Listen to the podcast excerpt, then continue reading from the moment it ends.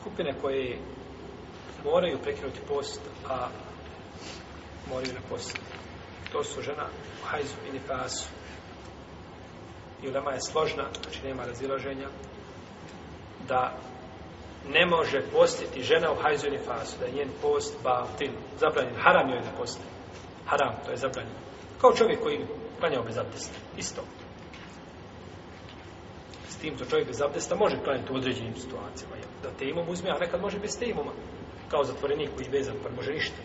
Tako je ne može ni uzeti ni ništa. Dok žena u i fasu ne može nikako. To je zabranjeno. Ne može činiti ovaj vid ibadeta. Njeni ibadet može biti u vidu zikra, dove, učenja Kur'ana na pamet, kod one uleme koja dozvola da se uči Kur'an na pamet u tom stanju.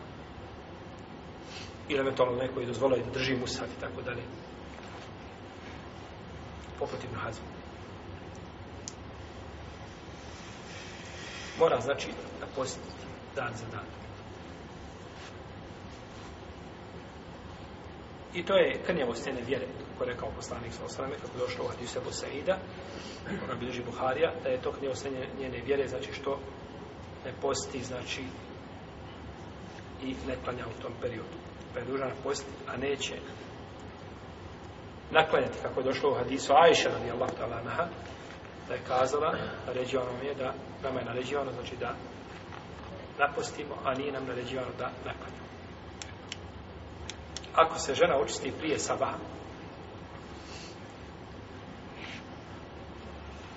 može taj dan postiti, mora postiti, iako nije se okupala.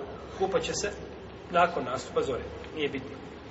Čak kada je prespavala i sabah i sve, a očistila se zna prije sabaha, ustaće, okupaće će se, naklanjati sabah i posti taj dan.